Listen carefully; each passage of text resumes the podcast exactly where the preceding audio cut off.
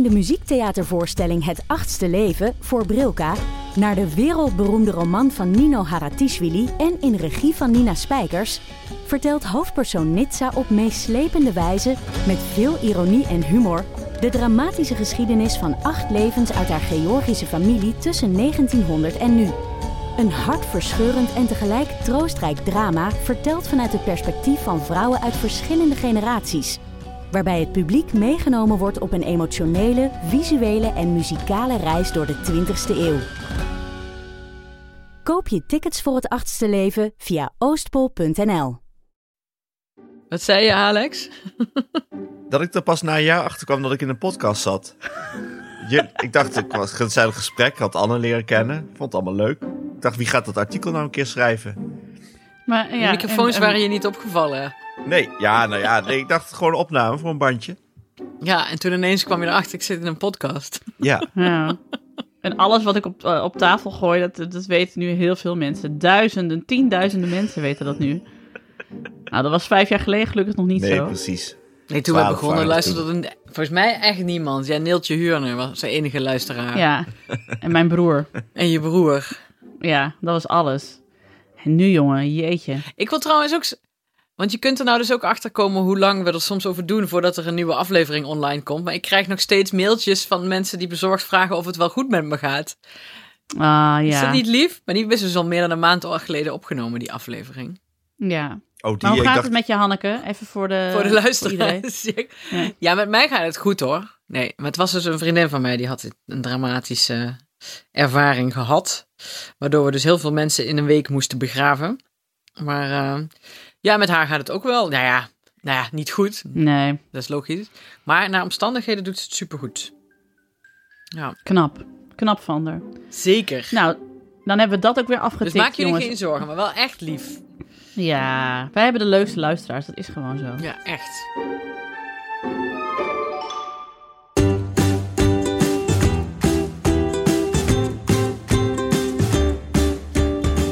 Ik ben Nienke de Jong, moeder van Janne van 5, Abe van 3 en Kees van 1 jaar oud. En samen met Alex van der Hulst, vader van René van 10 en Jaren van 6, Hanneke Hendricks, moeder van Alma van 5 en Anne Janssens, vader van Julius van 5 en Doenja van 2 jaar oud, maak ik Ik Ken Iemand Die. Een podcast over ouders, kinderen, opvoeden en al het moois en lelijks dat daarbij komt kijken. Heeft er iemand zijn instellingen veranderd, want ik hoor een ruis. nee, dat is Cynthia die eh, koffie gaat zetten. Oh, geeft niet. Sorry. Hoor je zo? Sorry. Dat, kan wel, want eh, Anne is er niet. Anne is er niet. Ja, dit, nou, dit is eigenlijk het begin van Ik ken iemand die 3.0. Eh, deze ene keer nog zonder Anne, want Anne die heeft eh, een Deense delegatie op bezoek bij Dag en Nacht. En eh, moet daar met mensen gaan praten in het Deens. Dus ik ben erg benieuwd wat voor Kan podcast eigenlijk gaat Deens? rollen. Want eh, zijn zijn naam doet vermoeden dat hij Deens kan. Nou ja, hij, als hij een beetje Fries kan, dan kan hij ook een beetje Deens. Want dat is op zich, als je een beetje Fries spreekt, dan, dan lukt eh Deens je ook nog wel. In ieder geval verstaan. Versteen. Dus nu, dus nu wordt het inderdaad, dit is de lakmoesproef. Hoe Fries is Anne Janssens nu eigenlijk echt? Die is helemaal niet Fries. Dat is een Amsterdammer. Ja, maar, hij, ja, maar hij doet toch altijd alsof hij Fries is met zijn... Oeh, ik zit in Lauwershoog. Oh, ik weet alles over Oh, ja, Noord-Friesland. maar dat is oh. omdat dat werkt in Amsterdam. Maar een Fries weet Ja. toch wel hoe dat zit? Zeker wel. Ja, want bij, ik val bij Limburgers ook wel altijd een beetje door de mand, hoor. Hoezo? Je bent toch gewoon een Ja, Limburger? ik ben wel Hallo. meer Limburger dan. Anne Fries is, laat ik het zo zeggen. Maar mijn vind- Limburgs is ik- wel minder goed dan jouw Fries, volgens mij, Nienke. Ja, precies. En ik vind Venlo zich tot Limburg verhouden zoals carnaval in Nijmegen zich tot carnaval verhoudt. Klopt dat? Dat is niet waar. Het is, Sorry, nee, dat zou een Limburger nooit zeggen. Ook een Limburger die niet uit Venlo komt. Oké. nou, beetje- zou zeggen, is- Maastricht verhoudt zich tot, tot Oh, ja. Limburg, hoe carnaval zich... Oh ja. Ja. ja. Is het misschien een beetje zoals Wolvenga zich tot, zich tot Friesland verhoudt? Wat is Ik weet helemaal Wolfga? niet wat Wolvenga... Hoe Wolvenga zich Wolvenga, voelt in, de Fries- plaats... in Friesland. Nou, Wat is is een Wolfga? Nee, in, Wolf, in Wolvenga, dat ligt natuurlijk echt op de grens van eh, eh, eh, Friesland en eh, Overijssel. En ehm, daar zijn ze dus een beetje, ja, ze zijn dus wel Fries, maar niemand spreekt er Fries. Nee, nee, En- dat is echt niet te vergelijken met Venlo. Dan zou je eerder zeggen Venray of zo, misschien. Nee, eh Milsbeek. Milsbeek of, Be ja, of eh, Mook. Molo. Nee, maar Venlo is wel echt Limburgs. Heel erg zelfs. Het is een Ja. beetje een eiland. Maar ja, en we hebben Het is- natuurlijk geluk met Venlo, want we hebben natuurlijk twee fantastische uithangborden. Drie, ik. Ja, Geert Wilder. Geert Geert Wilders. Nee. Nee, Ja, Ik dacht echt dat je hem bedoelde. ja dat is- iedereen zegt Geert Wilders bij Venlo. nee Lex, Venlo. Lex Uiting en, en Frans Pollux. Zo.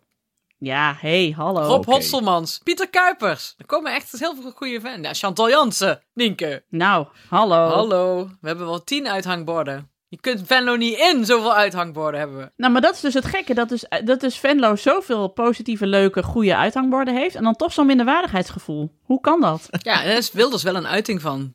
Omdat, Ja. omdat we een eiland zijn in Limburg. Nou, het lijkt me een leuk podcast eh, opzetje als jij met die andere leuke Venlonaar een keer duikt in de diepe ziel van de Venlonaar. Ik zou er naar luisteren, Ik want ik ben zeer benieuwd wat hieruit gaat komen. denk Dat is gewoon een podcast Venlo over Venlo. sponsoren. Dat is gewoon Ja. dat dat de enige premisse is. Gewoon praten over Venlo.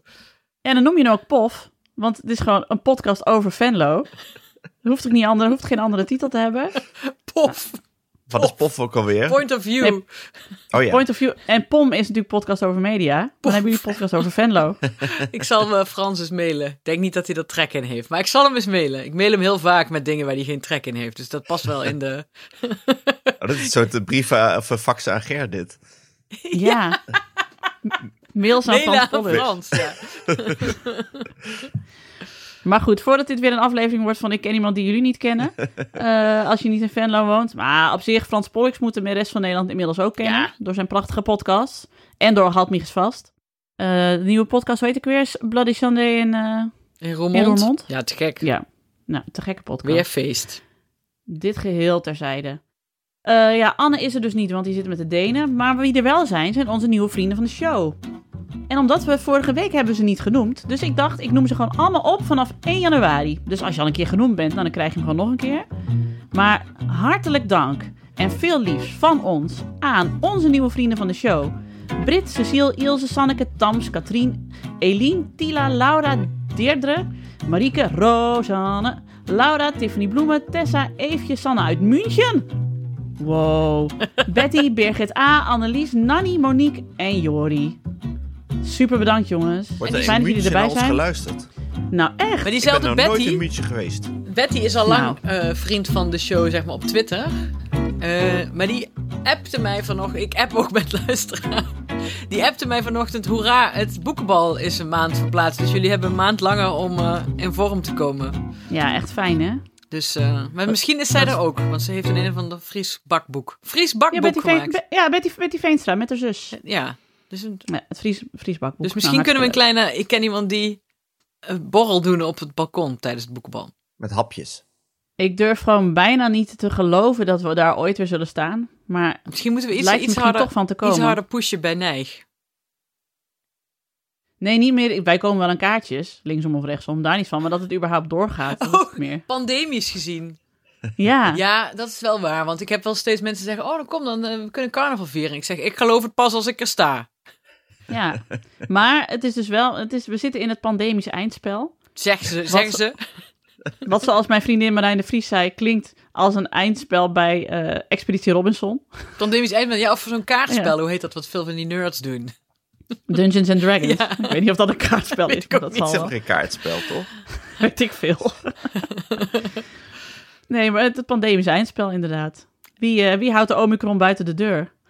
Voor 4 tot eh 9 spelers van 9 tot 99 jaar. Ja. Oh, maar Ja. dat is toch... Nee, want de Matrix is nog bezig, toch? Dat las ik vanochtend. De Matrix. De Matrix, Oh ja. Nee, dit moet je even inleiden. Oh, ja. Eh, Alex stuurde ons vanochtend een heel epistel. Was dat van de podcast-site van Isa Kriens van eh, Moederhart? Isaac, ja, oh, is zij van Moederhart? Nee, ik ken haar Zij is niet. van Moederhart, ja. Oké, nee, ik, ik kreeg een mailtje door dat je twee uur lang naar Duitse Kroes zou kunnen luisteren, mocht je dat zou willen.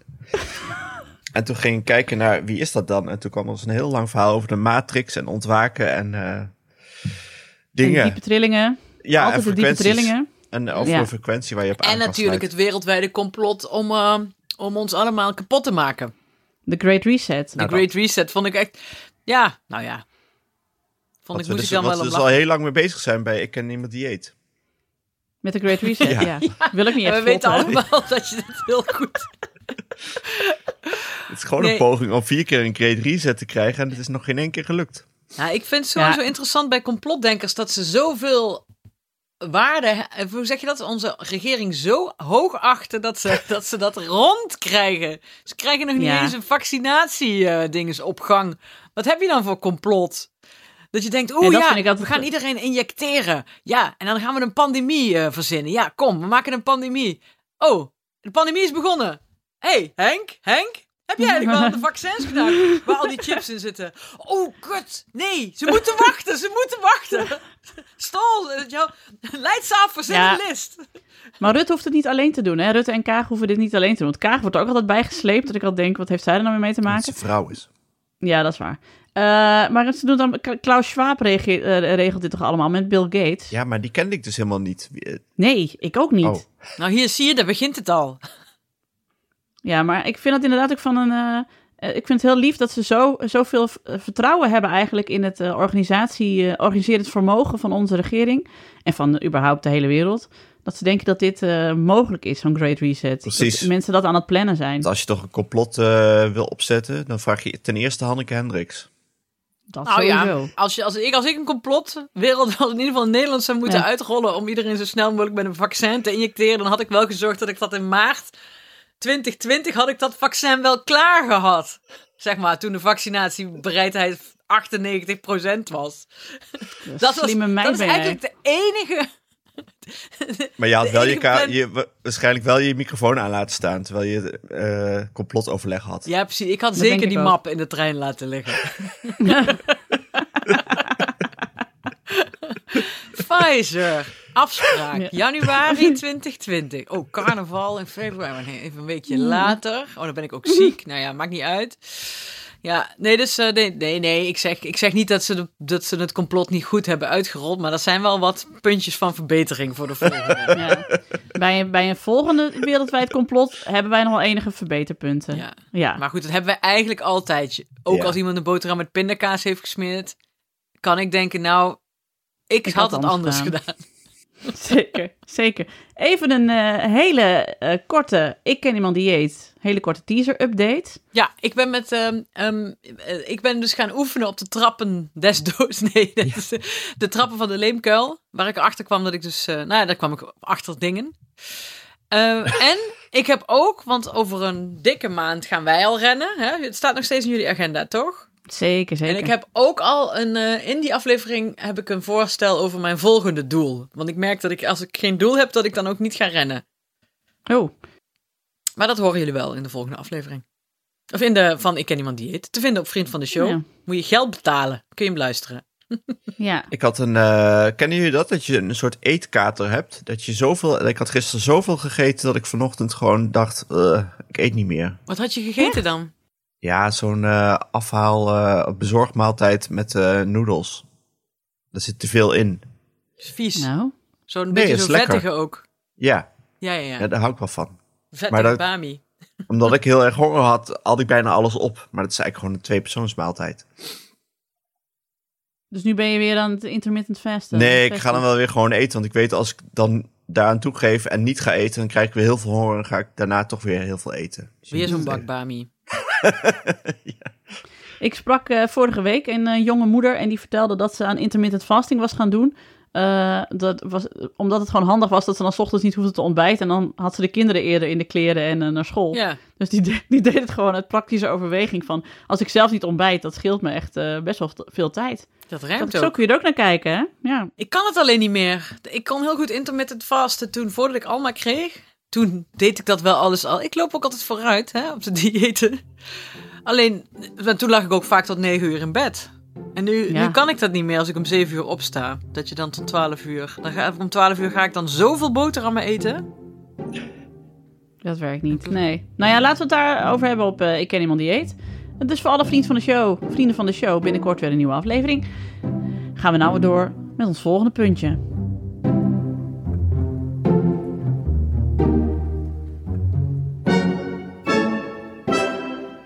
Nou, Alex, wat zie ik staan? Wat, ziet, wat staat er?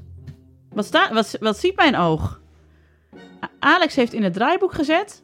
ruzie met vrienden. Ja, kun je even tegen eh, Hanneke zeggen dat ik het daarover wil hebben? Ja, Alex, lees jij eens even voor wat jij... Kun je even via Nienke tegen mij praten? Ja, Eh, Nienke, Nienke. kun je tegen Hanneke zeggen dat ze via Nienke tegen jou... Nee, ik zal het Dit eens is even... ingewikkeld zeg. Ik- Het is goed dat ik geen Kamerlid ben. Dat lijkt me zo onhandig. Als je niet met elkaar wilt voorzitter. praten. Mevrouw de voorzitter. Oh ja. Ja, maar dat... Maar vertel. nee, het was heel grappig, want eh, na onze vorige v- vaccinatiediscussie Mhm. eh, dachten mensen, of tenminste li- lijkt het zo op dat er twee kampen zijn, ook in luisteraars. Ja, en nee, niet, niet eens een vaccinatiediscussie. Het ging over Oh nee, eh, dat ik zei, nou, ja, maar je pakt zo'n kind toch even in de huidgreep, prikt erin klaar. Ja.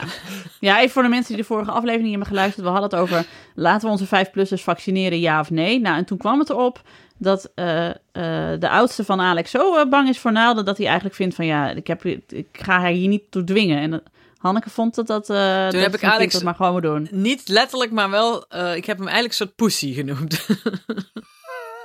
Ja. Het, je zei het niet letterlijk, maar het kwam er in grote glitterige letters boven het Alex hoofd ineens, zeg maar. En jullie zagen het niet, maar ik zat even met mijn ogen te rollen. En snorkgeluiden te maken die eh, Jeroen er volgens mij uit heeft geknipt. Waarop wij dus een, tweedeling in onze luisteraars krijgen. Ja, Maar het kwam op een gegeven moment zo ongeveer rond dezelfde tijd. Gisteren kreeg Alex deze mail. Eh naar aanleiding van de podcast. Helemaal eens met jou hoor, Alex. Met betrekking tot de vaccinatie en kids die dat niet willen. Eh, nou ja, zij heeft ook de ervaring met zo'n dochter van acht die dat niet wil. En dan zegt ze op het eind, laat de rest maar kletsen. Kom me helemaal vinden in wat je zei. En on- rond dezelfde tijd kreeg ik onderhandelen. Sommigen zijn gewoon zo. Een prik is niet leuk, maar het hoort erbij. ik maar roepen tegen de podcast. Juist, Hanneke, juist. En het grappige is dat Alex en ik naast elkaar zaten gisteren de hele dag. Omdat we halfjaarlijkse gesprekken hadden op de kunstacademie met de studenten. Dus het was gewoon grappig dat we gelijktijdig ongeveer allemaal dat soort berichtjes binnenkregen. ja. En toen dacht ik ook nog later, eh, aangezien wij helemaal geen ruzie hebben en ik bijna niet voor kan stellen dat wij ooit ruzie zouden krijgen. Nee, Maar, we zijn te, eh, te makkelijk in het uiten hoe, hoe we ons in het gewone leven al ergeren. Toen dacht ik me, vroeg ik me af, hebben jullie het eigenlijk wel eens ooit gehad? Echt ruzie met vrienden? Maar wel echt ruzie dat je dacht, na een tijdje van, eh, nou, ik wil je ook niet meer zien. Ik heb wel eens ruzie gehad. Nee, ik vind, dat hoort er wel een beetje bij, dat je met vrienden af en toe een beetje ruzie hebt of een soort discussie. Dat je echt- wel. Dat je echt zegt Ja. van, nou, ik wil je even niet meer zien. Nou, ik denk dat ah, ja, als ik voor Hanneke kan spreken, volgens mij, Hanneke, zijn jou, eh, ben jij zo rekbaar in je vriendschap dat mensen echt de meest ongelofelijke dingen kunnen zeggen of doen. En dat jij dan denkt, ah, dan hebben we het er gewoon niet meer over en dan ben je alsnog mijn vriend. Ja, Dat vind ik mooi aan jou. ja, vriendschap opzeggen met Hanneke Hendricks is echt onmogelijk. Nee, want ik kon ze met taart langs eh, na een tijdje. Ja, nou, nou, nou, nou, nee, het is niet dat ik alles, eh, want vriend, mijn vrienden weten ook precies, net zoals Alex, hoe ik over dingen denk. En ik laat het ook altijd goed horen als ik het er ergens niet mee eens ben. Maar verder, ja, als Alex zo'n woes wil zijn omdat hij zijn dochter niet durft vast te pakken als ze een prikje krijgt. Dan staat de vriendschap er niet in de weg. Nee, maar het is heel flauw, maar daar komt het wel een beetje op neer. Want mijn antivax vriendinnen pest ik ook heel erg hoor. Oh, toch wel. Ja. En dan heb je het dan ook altijd over die maar dit- trillingen. ja, nou, nee, we hebben geen discussie over het coronavaccin of, dat, of over de Great Reset. Daar durf ik niet eens naar te vragen, want straks gelooft daar iemand in. Dan moet ik, het daar, moet ik me daar weer toe verhouden. Maar ja. Maar, eh, nou, maar ik moet wel zeggen dat zo door. Want kijk, dat, dat mijn corona-antivax vriendinnen waren al antivax. Vanaf je kleuter, weet je wel, die hebben Ja, antivax ja. ouders. Dus ja, die zijn wel, met- zolang ik ze ken zo. Mhm. Maar ik merk wel dat zo met de hele coronadiscussie, dat het wel, dat dat wat dat betreft wel goed is om het, of de coronadiscussie, ik vind het niet eens een discussie, maar goed. Vinden zij ook niet, alleen staan ze aan de andere kant. Eh, ehm, heb ik wel moeite gehad om me daartoe te verhouden. En heb ik ook wel gehad dat ik momenten had dat ik s'avonds in bed lag met gebalde vuisten te bedenken wat ik allemaal zou kunnen zeggen, weet je wel. Mhm. En ook wel eens gedacht van, nou misschien moeten we maar breken. Maar dat is ook een beetje als met familie, zeg maar. Dat doe je, ja, ja, god, zo zijn Nou, ze. dit is, dit is volgens mij ook de leeftijd waarop je, eh, als het uitgaat met vrienden, dan gaat het gewoon zo uit omdat je geen tijd meer voor elkaar hebt. Weet je, je hebt nu met jonge kinderen veel beperktere tijd misschien om elkaar te zien. Dus je focust je veel meer op de mensen die je echt graag wilt zien. En de mensen die daar dan een beetje tussen uitvallen, dat je ineens denkt, oh, ik heb jou al drie jaar niet gezien eigenlijk. Oh, nou, ja, of mensen ja. waarvan je op een gegeven moment denkt, oh, daar heb ik echt geen zin in. Nee, dat je nou die ook ja, op straat ook. ziet, denk oh, ziet hij me of ziet hij me niet? Want anders, als ze, ze me niet zien, kan ik even doorlopen. Dan hoef ik dat gesprek Ja. niet aan te gaan. Ja. Had ik maar een conifeer meegenomen waar ik me achter kon verschuilen nu. Ja, dat. ja, dat hebben we allemaal wel, toch? Alleen Ja. maar echt ruzie? Nee. Echt breken, het uitmaken. Ik heb echt twee, eh, twee allerbeste maten. En, die, eh, en met de een heb ik... Die had toen een keer gezoend met mijn broer, met een van mijn broers. En eh, had dat niet tegen mij gezegd. Maar twee vriendin, andere vriendinnen wisten dat wel. Oh, En, ik, en ik wist dat er iets niet oké was. En ik wist, was ook in de Snake Week. En ik was eerder naar huis gegaan, want ik was niet lekker. En ik wist gewoon dat er iets gebeurd was. En eh, die andere twee vriendinnen die het wel wisten, die hadden ook tegen haar gezegd... Hoor eens, we gaan er niet om liegen. Dus als Nienke erover begint, dan zeggen we het gewoon, hè? dat weet je. En dus ik begon twee dagen later of zo al van... Jongens, ik heb het gevoel, er is iets niet in de haak. Wat is er gebeurd? En toen zeiden ze dus allebei tegelijk, we gaan niet om liegen. En toen, toen was ik echt kwaad. Maar ik was meer kwaad omdat ik dacht, ja, had je ook gewoon even zelf tegen mij kunnen zeggen. Ik weet nog dat zij moest leren voor een tentamen. En dat ze zei, ik kan nu niet afspreken. Ik zo, boeit me niet. Ik je komt nu naar Café Oorlof in Utrecht en we, moeten, we gaan een biertje drinken, want we moeten het hier even over hebben. Want ik zag wel in van, als dit niet goed uitpraten, dan, dan wordt het echt een beetje nasty.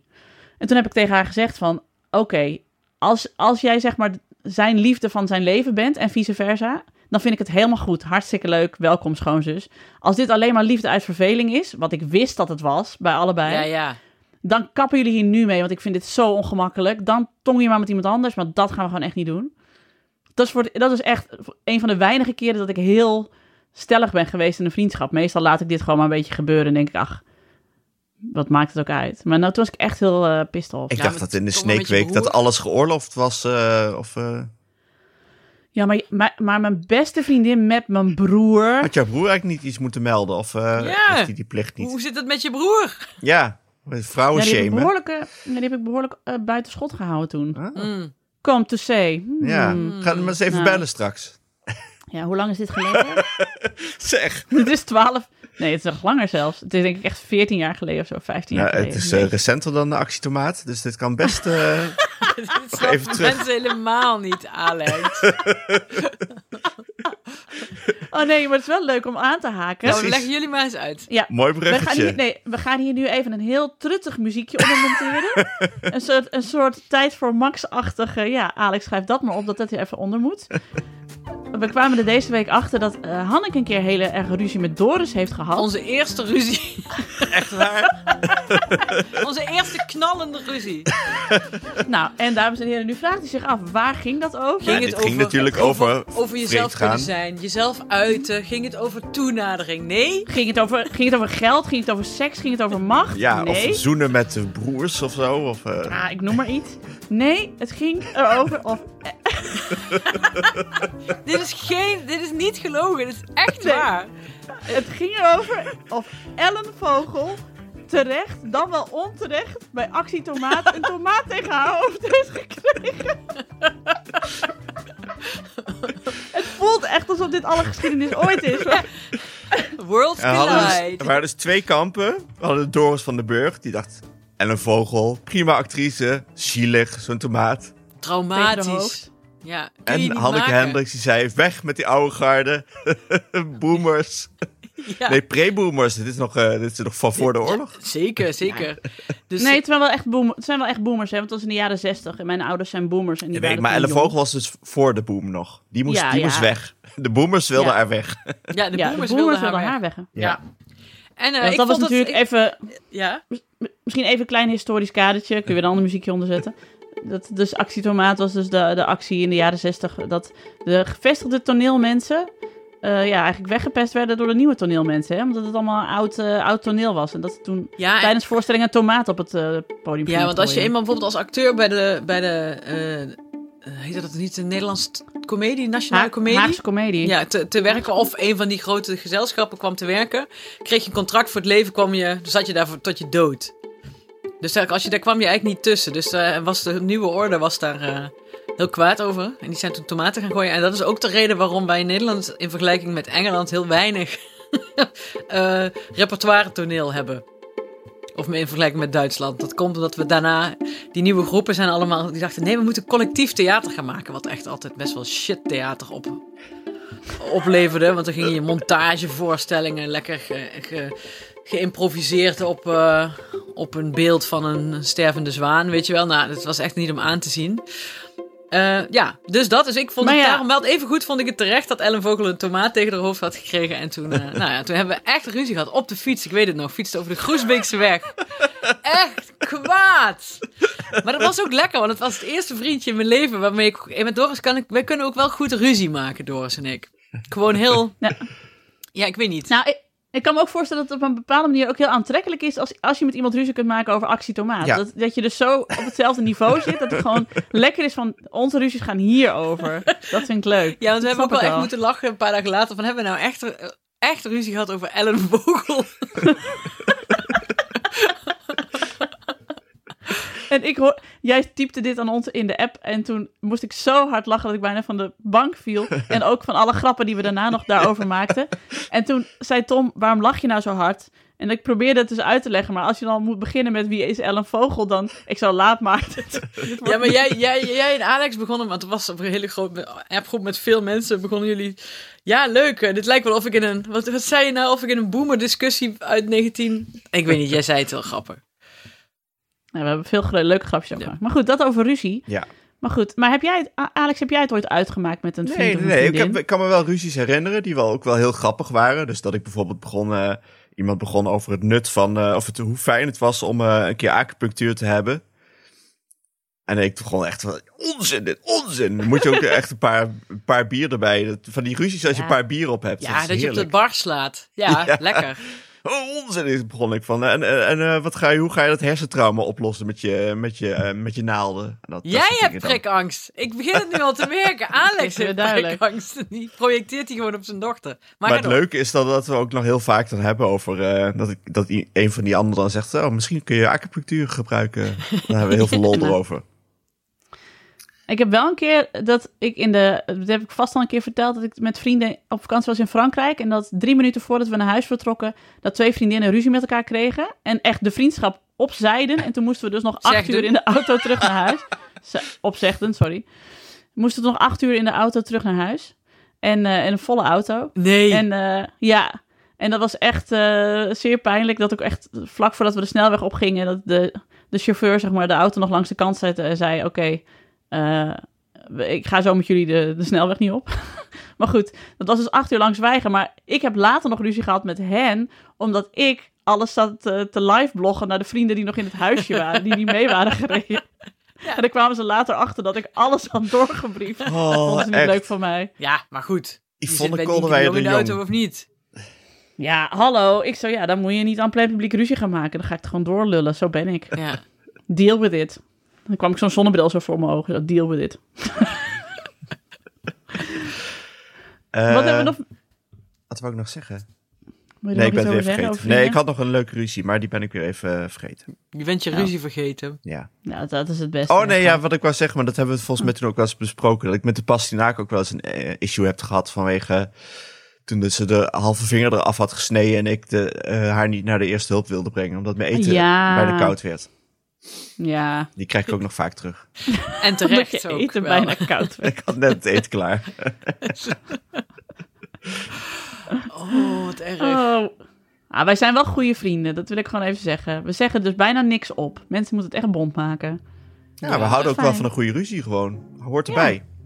Ja. Precies. Maar ik En ben we wel benieuwd naar eh, voor, voor onze luisteraars op Vriend van de Show. Of ze ook leuke ruzies kunnen melden. Ook over, Ja. over onzinnige dingen. Leuke, vrolijke ruzies. Ja. Daar, daar zijn we dol op. Ruzies waar je achteraf om kan lachen. Ja, omdat het over iets heel onzinnigs gingen. Hou ik van.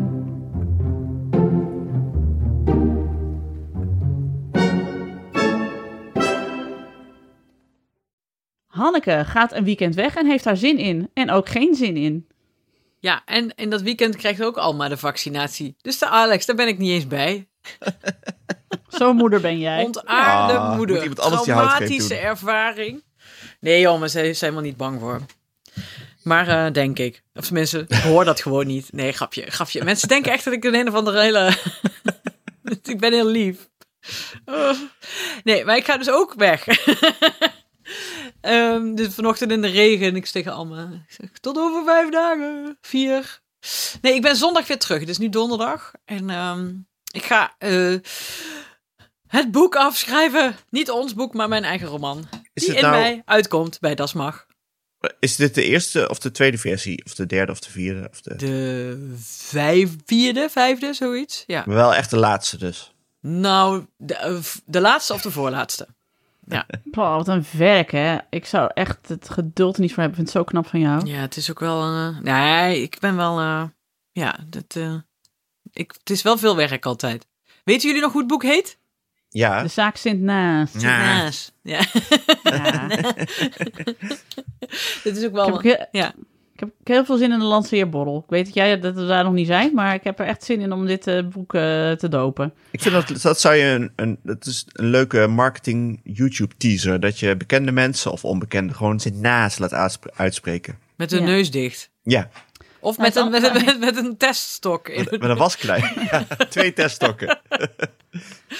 Maar, maar waarom heb je er wel zin in en waarom heb je er geen zin in, Hanneke? Eh, ik heb wel echt best wel zin, toch ook, zoals de gemiddelde ouder in een gezin met één of meer kinderen, dat je wel zin hebt om even een paar nachtjes in je eentje rond te scharrelen. Dus dat je tot niemand hoeft te verhouden. Daar heb ik wel zin in. Mhm. Eh, en ik heb geen zin erin, omdat ik wel weer bang ben dat, of, of dat hoe het gaat, zeg maar. Weet je wel? Dus dan vind ik het, ik vind het spannend of, het, eh, of ik het allemaal eh, eh, afkrijg of gedaan krijg. Dat is het een beetje. Oh ja, Gewoon Want of het nu wel zo goed nog- wordt als dat ik hoop dat het eh, gaat worden. het boek aan zich of gewoon wat je nu allemaal in de komende dagen kunt doen? Eh, allebei. Oh ja, snap ik. Want wat Ja, doe je dat- als je niet schrijft daar, eigenlijk? Eh, slapen of koken. En rennen, want ik neem mijn hardloopschoenen mee. En ik zit daar aan de dijk in Friesland, in Westhoek. Ja, zo. Dat is een rijden. Ja. Daar woonde onze docent eh, natuurkunde, Nou ja, meneer Buwalda. Vreselijke vent. meneer Buwalda. Daarom heb ik geen natuurkunde gekozen. Maar Oh ja, anders was het heel anders met je afgelopen. Ja, an- nou, anders had ik zeker natuurkunde gekozen, want dat was wel echt een talent van mij. Ja. Nee, maar Westhoek, jemig jongens. De oude Bildijk zo'n beetje. Ja, nou, volgens mij zit ik daar zelfs. Dus ik Ja, ga dan op eh, de ik ga oude- rennen daar en, en, Langs- en schrijven. Maar verder doe ik niks dan dat. En s'avonds ga ik in bed liggen en dan ga ik slapen. En eten, dus heel veel.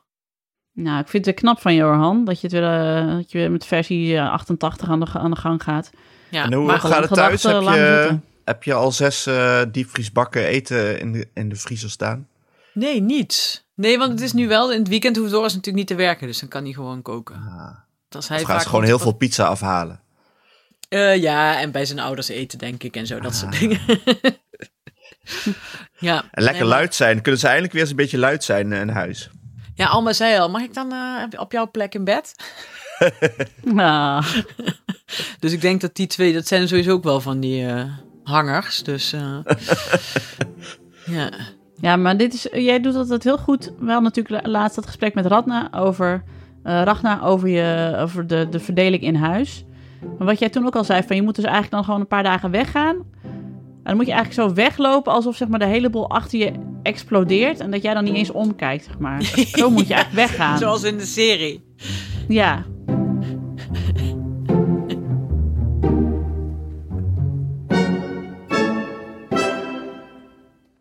Ik heb eh, het nu, we zijn twee jaar in deze pandemie, maar het is eh, voor het eerst dat ik eh, dinsdag eh, een kind mee ga nemen naar mijn werk. Nou, ja, dat is nog eens een verhaal. Vertel eens even, ik Ja, was in shock. Nou ja, het is dus zo, we hebben dus eh, op de basisschool te weinig juffen. Want die zijn ziek en niet eens corona gerelateerd, maar gewoon echt ziek. En de invalpool is natuurlijk ook totaal leeg door corona. En eh, sowieso heeft iedereen een dikke burn-out. Dus nu hebben de kleuterklassen ineens één dag geen les. Ze hebben gewoon maar vier dagen les. En de andere kleuterklassen hebben op woensdag een korte dag en op vrijdag een korte dag geen les. Zou je zeggen prima. Janne op de dinsdag. Nou, wie in Nederland werkt er niet op dinsdag? Ik denk echt drie mensen misschien niet en voor de rest iedereen. Dus eh, ja, we hadden afgelopen dinsdag waren opa en oma hier, omdat ik toen echt met geen mogelijkheid... Tom kon het niet regelen, die moest gewoon lesgeven en ik ook. Dus dat, dat was niet te doen. Hartstikke lief dat opa en oma er waren. Maar komende dinsdag mag ze mee naar dag en nacht, want ik moet alle geschiedenis ooit opnemen. En ze wilde dus echt niet, want ze vindt het allemaal spannend. En wie zijn daar dan allemaal? En er zijn geen andere kinderen en alleen maar grote mensen. En toen zei ik, ja, maar bij de lunch hebben we vier soorten hagelslag. En toen wilde ze wel. Dus ik was weer heel blij met mijn eh, eigen omkoopgedrag. dan mag je daar lunchen met vier soorten hagelslag. En er staat vast wel ergens een koek- of snoeptrommel, Anne kennende. Nou, het is, de, de lunch is echt heel goed. Ja, Dus, ik weet, eh, eh, ja, René was dus een keer mee, want die vond het interessant. Maar die heeft het nog steeds over die KitKats die ze daar kreeg. Zie je? Dus, eh, dus ik heb voor, het- voor het eerst. Maar ik ben dus wel blij aan zich. Ik bedoel, want als de, als de opvang ineens dicht is, dan heb ik een veel groter probleem. Want ja, neem Kees de Lauw een keer mee naar een podcastopname en eh, dat, dat wordt niks. Ik heb natuurlijk wel de makkelijkste mee. Dat is fijn. Maar alsnog dat je dan ineens op donderdag hoort van... oké, op dinsdag is er geen les. Hè? Ja, het is zo... dit is- Dit is zeg maar, dit vind ik de grootste stress van het ouderschap. En dat hebben we natuurlijk de afgelopen jaren heel veel gehad. Met dat je 's ochtends je kinderen naar school stuurt en dan ze weer bij het hek mee terugkrijgt. Omdat de klas in quarantaine moet of omdat de juf of de meester ziek is. Weet Dat je. ze snot op de fiets hebben gekregen. Ja, alle onze luisteraars hebben dit natuurlijk al meerdere keren meegemaakt eh, de afgelopen jaren. Maar ik merk dus nu dat de- die stress van oké, eh, kunnen ze naar school ja of nee? Da- dat is bijna de grootste stress op het, van het ouderschap voor mij op dit moment. Ja, precies. Maar dat is natuurlijk, dat blijft, dat blijft natuurlijk, want dat had ik ook wel voordat, eh, de, voordat corona er was. Als Alma dan bijvoorbeeld ineens een beetje ziekig begon te doen en ik dacht, oh kut, ik heb morgen een hele belangrijke klus. Ja. Ja, of dat dan ineens midden op de dag het eh, kinderdagverblijf belt. Ja. Dat je denkt, no, no, kom halen. ik zit in koorts. Amsterdam. Kees heeft gekotst, ga hem halen. No. No. En, en kleine disclaimer, niet dat ik niet van mijn kinderen hou, dat ik ze niet, ik ben dol op ze. Maar het is niet te plannen zo, hè? Nee. Komt altijd ongele, onge- ongelegen, maar goed. Ja, ze moeten gewoon, eh, ja, hoe laat? 12 worden. 14. Dan kun je ze alleen onder een Ja, dekentje precies. leggen. En, eh, Ja, Ja, maar Ben dan moet je er ook wel weer heen. ja, je moet Uh, ze het heeft ook wel te maken, merk ik, met eh, eh, verwachtingen die mensen in je werk eh, voor je eh, hebben. Dat, eh, dat er nog steeds heel veel mensen zijn die eh, het niet snappen. ja. Of denken En- dat, er, dat altijd wel een ander het kan oplossen. Ja, en dan, eh, dat is, maar dat is wel fijn bij dag en nacht. Shout-out nou dag en nacht. Daar werken zoveel jonge ouders. Dat toen ik zei, ja, Janne komt mee. Oh, gezellig. Dat niemand dan zegt van... Of als ik, toen ik de laatste keer thuis moest blijven omdat Kees ziek was. Oh, dat, dat maakt dan echt niet uit, zeg maar. Dus Nee. dat is heel fijn. Eh, maar ik denk inderdaad, als je... Ik snap ook wel, als jij eh, eh, machinist bent op een trein... En je zegt 's ochtends, eh, mijn kind eh, zit, eh, moet in quarantaine, ik kan niet uit. Dat, dat dan de NS denkt, oh kut, hoe gaan we dit nou weer regelen? Ja, dat is waar. Dat is- ik snap dat het bij de ene, ene baan ook makkelijker is dan bij de andere baan. Maar het valt me ook wel op. Shout-out naar alle mensen met een kantoorbaan... die niet per se op kantoor hoeven te zijn... maar dan alsnog scheid krijgen van de manager van... oh ja, je kunt vandaag niet komen, want je kind is ziek. Waarbij het wel ook altijd eh, op de vrouw, bijna altijd op de vrouw neerkomt. Ja, we hebben het hier toch al wel gehad Precies. over dat eh, artikel in, de, in, in het Financieel Dagblad? Hm, weet ik niet. Nee. Stond, eh, dat was zeg maar, in de week, de week voor kerst, toen de scholen nog een extra week dicht gingen, was, waren ze bij het Financieel Dagblad op een eh, schoolplein van een school in het Gooi gaan staan, s ochtends vroeg. En hadden ze, het verhaal was ook briljant geschreven, want ze hadden eerst allemaal moeders aan het woord gelaten. En die ene zei, ja, ik ben tandarts. Nou ja, de kinderen nog een week extra thuis. Nou ja, ik moet er maar een mouw aan zien te passen. Ik regel wel wat, want eh, ja, mijn, eh, mijn man gaat het ook niet eh, lukken. Dus het komt, ja, het komt op mij neer. En die andere, ja, en ik ben arts. ja, ik moet ook maar wat regelen, want het komt al op mij neer. Dat, dat zes keer. En toen de laatste, Alinea was dodelijk, want er was een vader en die, die stond in hardloopkleding uit te puffen op het schoolplein. en die zei, die had een of andere non-functie, weet ik veel. Ja, nee, eh, nee, ja, nee, het kwam wel echt op zijn vrouw neer, want eh, ja, nee, hij kon zichzelf niet in tweeën splitsen. dat stuk was hartstikke viral gegaan. Dus nou, vooral onder, onder werkende vrouwen die zaten, oh dear lord. Die gast uit die laatste alinea heb ik echt zin om echt van een brug te kieperen. Het is wel leuk. Nou, ja. Ja, dat. Maar dat is het. Het komt natuurlijk wel 9 van de 10 keer worden er als vrouw op aangekeken. Ja. Ja. ja. dat is waar. Maar dan moeten wij ook beter leren om te zeggen nee is nee, hè? Ja. Zegt John de Mol ook al. Ja. Hey, ik heb hier een loket, kom je me aanmelden. Loket, ja. Ja. Loket zieke kinderen. Nee, maar Ja. het is... Nee, nee, ik, eh, eh, eh, als ik erop... op- nee, ja, goed. Ik ben thuis ook altijd de lul. Ja, maar bij jou is het ook weer... Dus je hebt die machinist. In een Ik heb die andere- machinist. Ja. Ja. ja. Ja. Daarbij is het ook gekker als, eh, kijk, als ik allemaal een keer meeneem naar eh, weet ik waarheen. Dat is natuurlijk anders als Doris zegt, eh, ja mevrouw, gaat u me even zitten, klit u me even uit. Oh, mijn dochter zit hier, die kijkt even mee. Struikel niet over de wasco-krijtjes. is de AJO hier? Dus, eh, maar, eh, maar inderdaad, maar als ik, eh, ja nee, maar verder, als ik dus een week weg, een weekend wegga of een week weg in mijn eentje. Nee, dat, ik, en mensen vinden dat raar. Ik voel me daar niet, ik voel me daar niet op aangesproken. Ik, het is misschien ook andersom, hè? Want ik weet niet, ik heb ook makkelijk praten als ZZP'er. Dus ik kan ook zeggen, nou ja, prima, ik zit hier toch thuis. Ik weet niet, als ik een baas zou hebben gehad, misschien kijkt hij ook wel heel raar van, hoezo moet jij naar huis? Eh, als je zo'n baas hebt. Ja, maar dat ligt dus dan meer aan de baas. Ja, ja. Het is toch inmiddels 2022 Maar en je zou zeggen... Het kan ook dus zijn dat er eh, een cultuur in een bedrijf heerst waarin de man dus eh, ook wordt geshamed als hij dat doet. Oh, zeker. Ja. Ik denk dat die, dat die culturen welig tieren op, eh, Mm. nog steeds.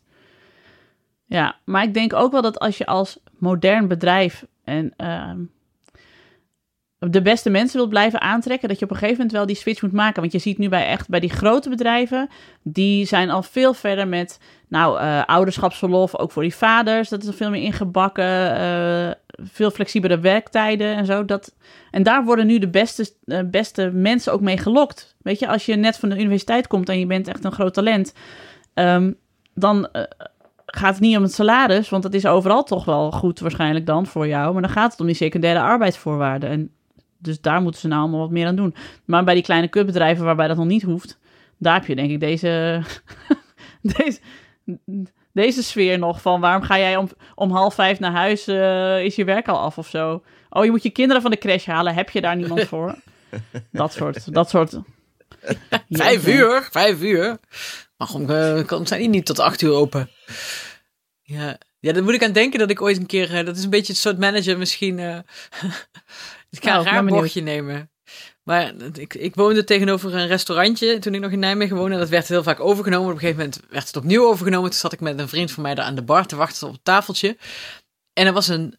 Die, de, de eigenaar stond achter de bar. Zo'n jonge jongen. En die kwam wel eens vroeger bij mij in de bar. Ik zei: hey, ik zeg, oh, ben jij de eigenaar? Wat leuk.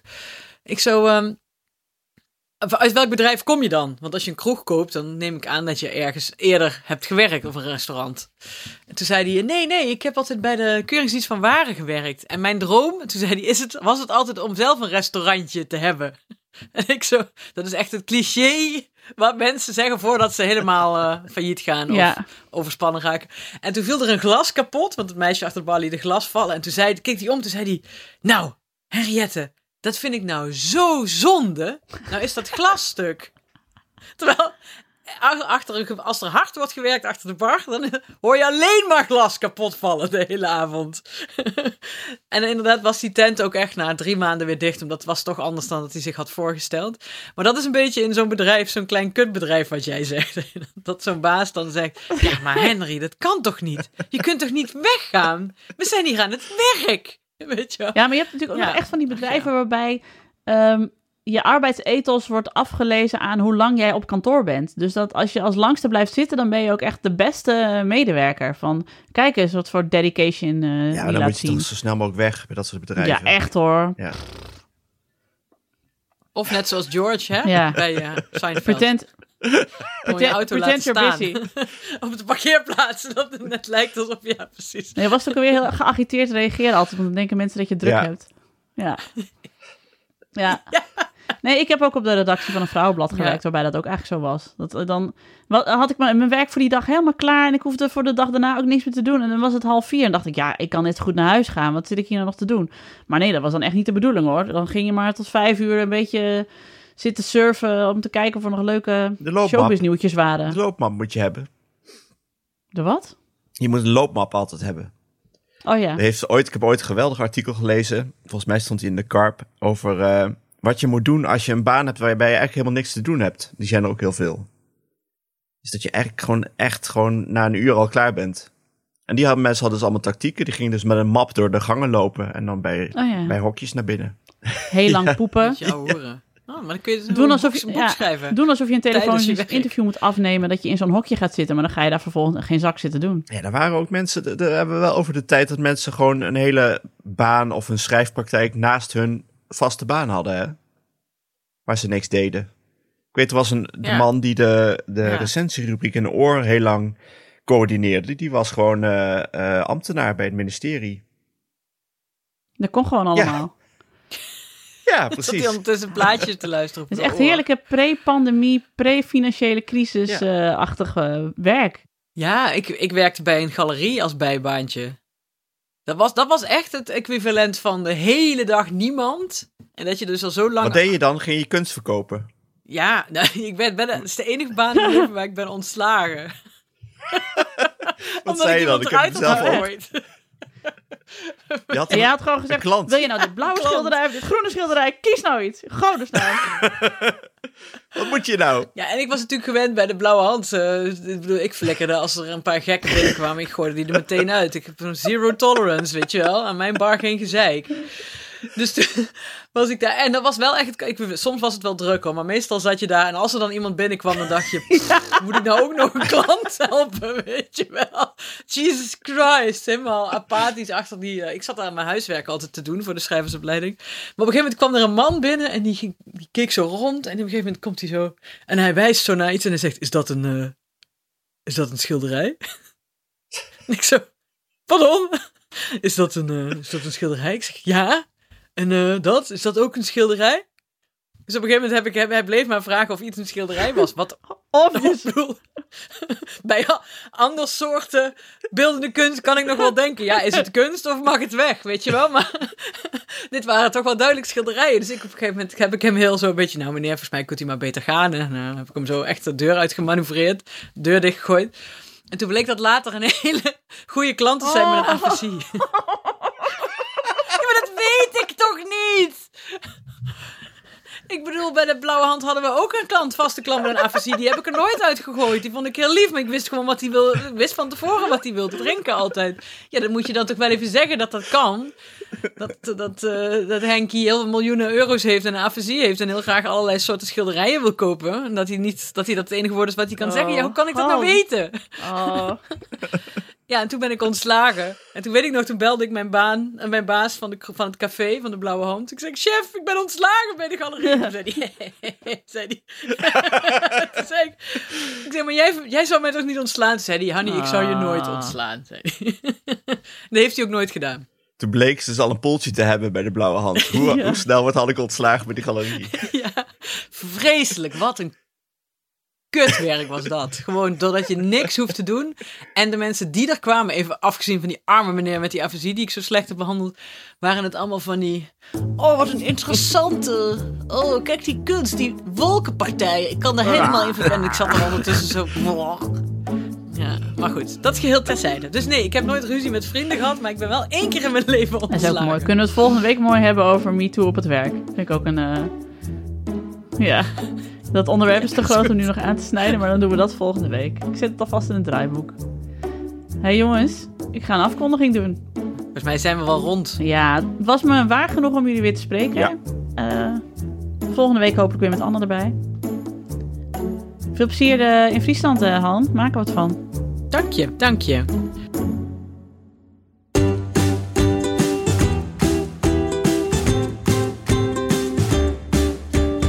Dat was hem weer. Dank aan mijn vaste tafelgenoten Alex van der Hulst en Hanneke Hendricks. En in gedachten bij ons Anne Janssens. De montage is gedaan door de getalenteerde Jeroen Sturing. Mocht je ons iets willen vertellen, heb je een tip of een vraag of een opmerking, kom dan naar onze Vriend van de Show pagina. Voor een klein bedrag kun je vriend van de show worden, waardoor je ons de gelegenheid geeft om nog meer mooie afleveringen te maken. En op Vriend van de Show kun je onze spin-off Ik ken iemand dieet volgen, alwaar wij ons klaarmaken voor de leemkaalloop. Op Twitter heten we @ikkenniemandie en ons mailadres is ik@dagenacht.nl. Dank voor het luisteren en tot de volgende.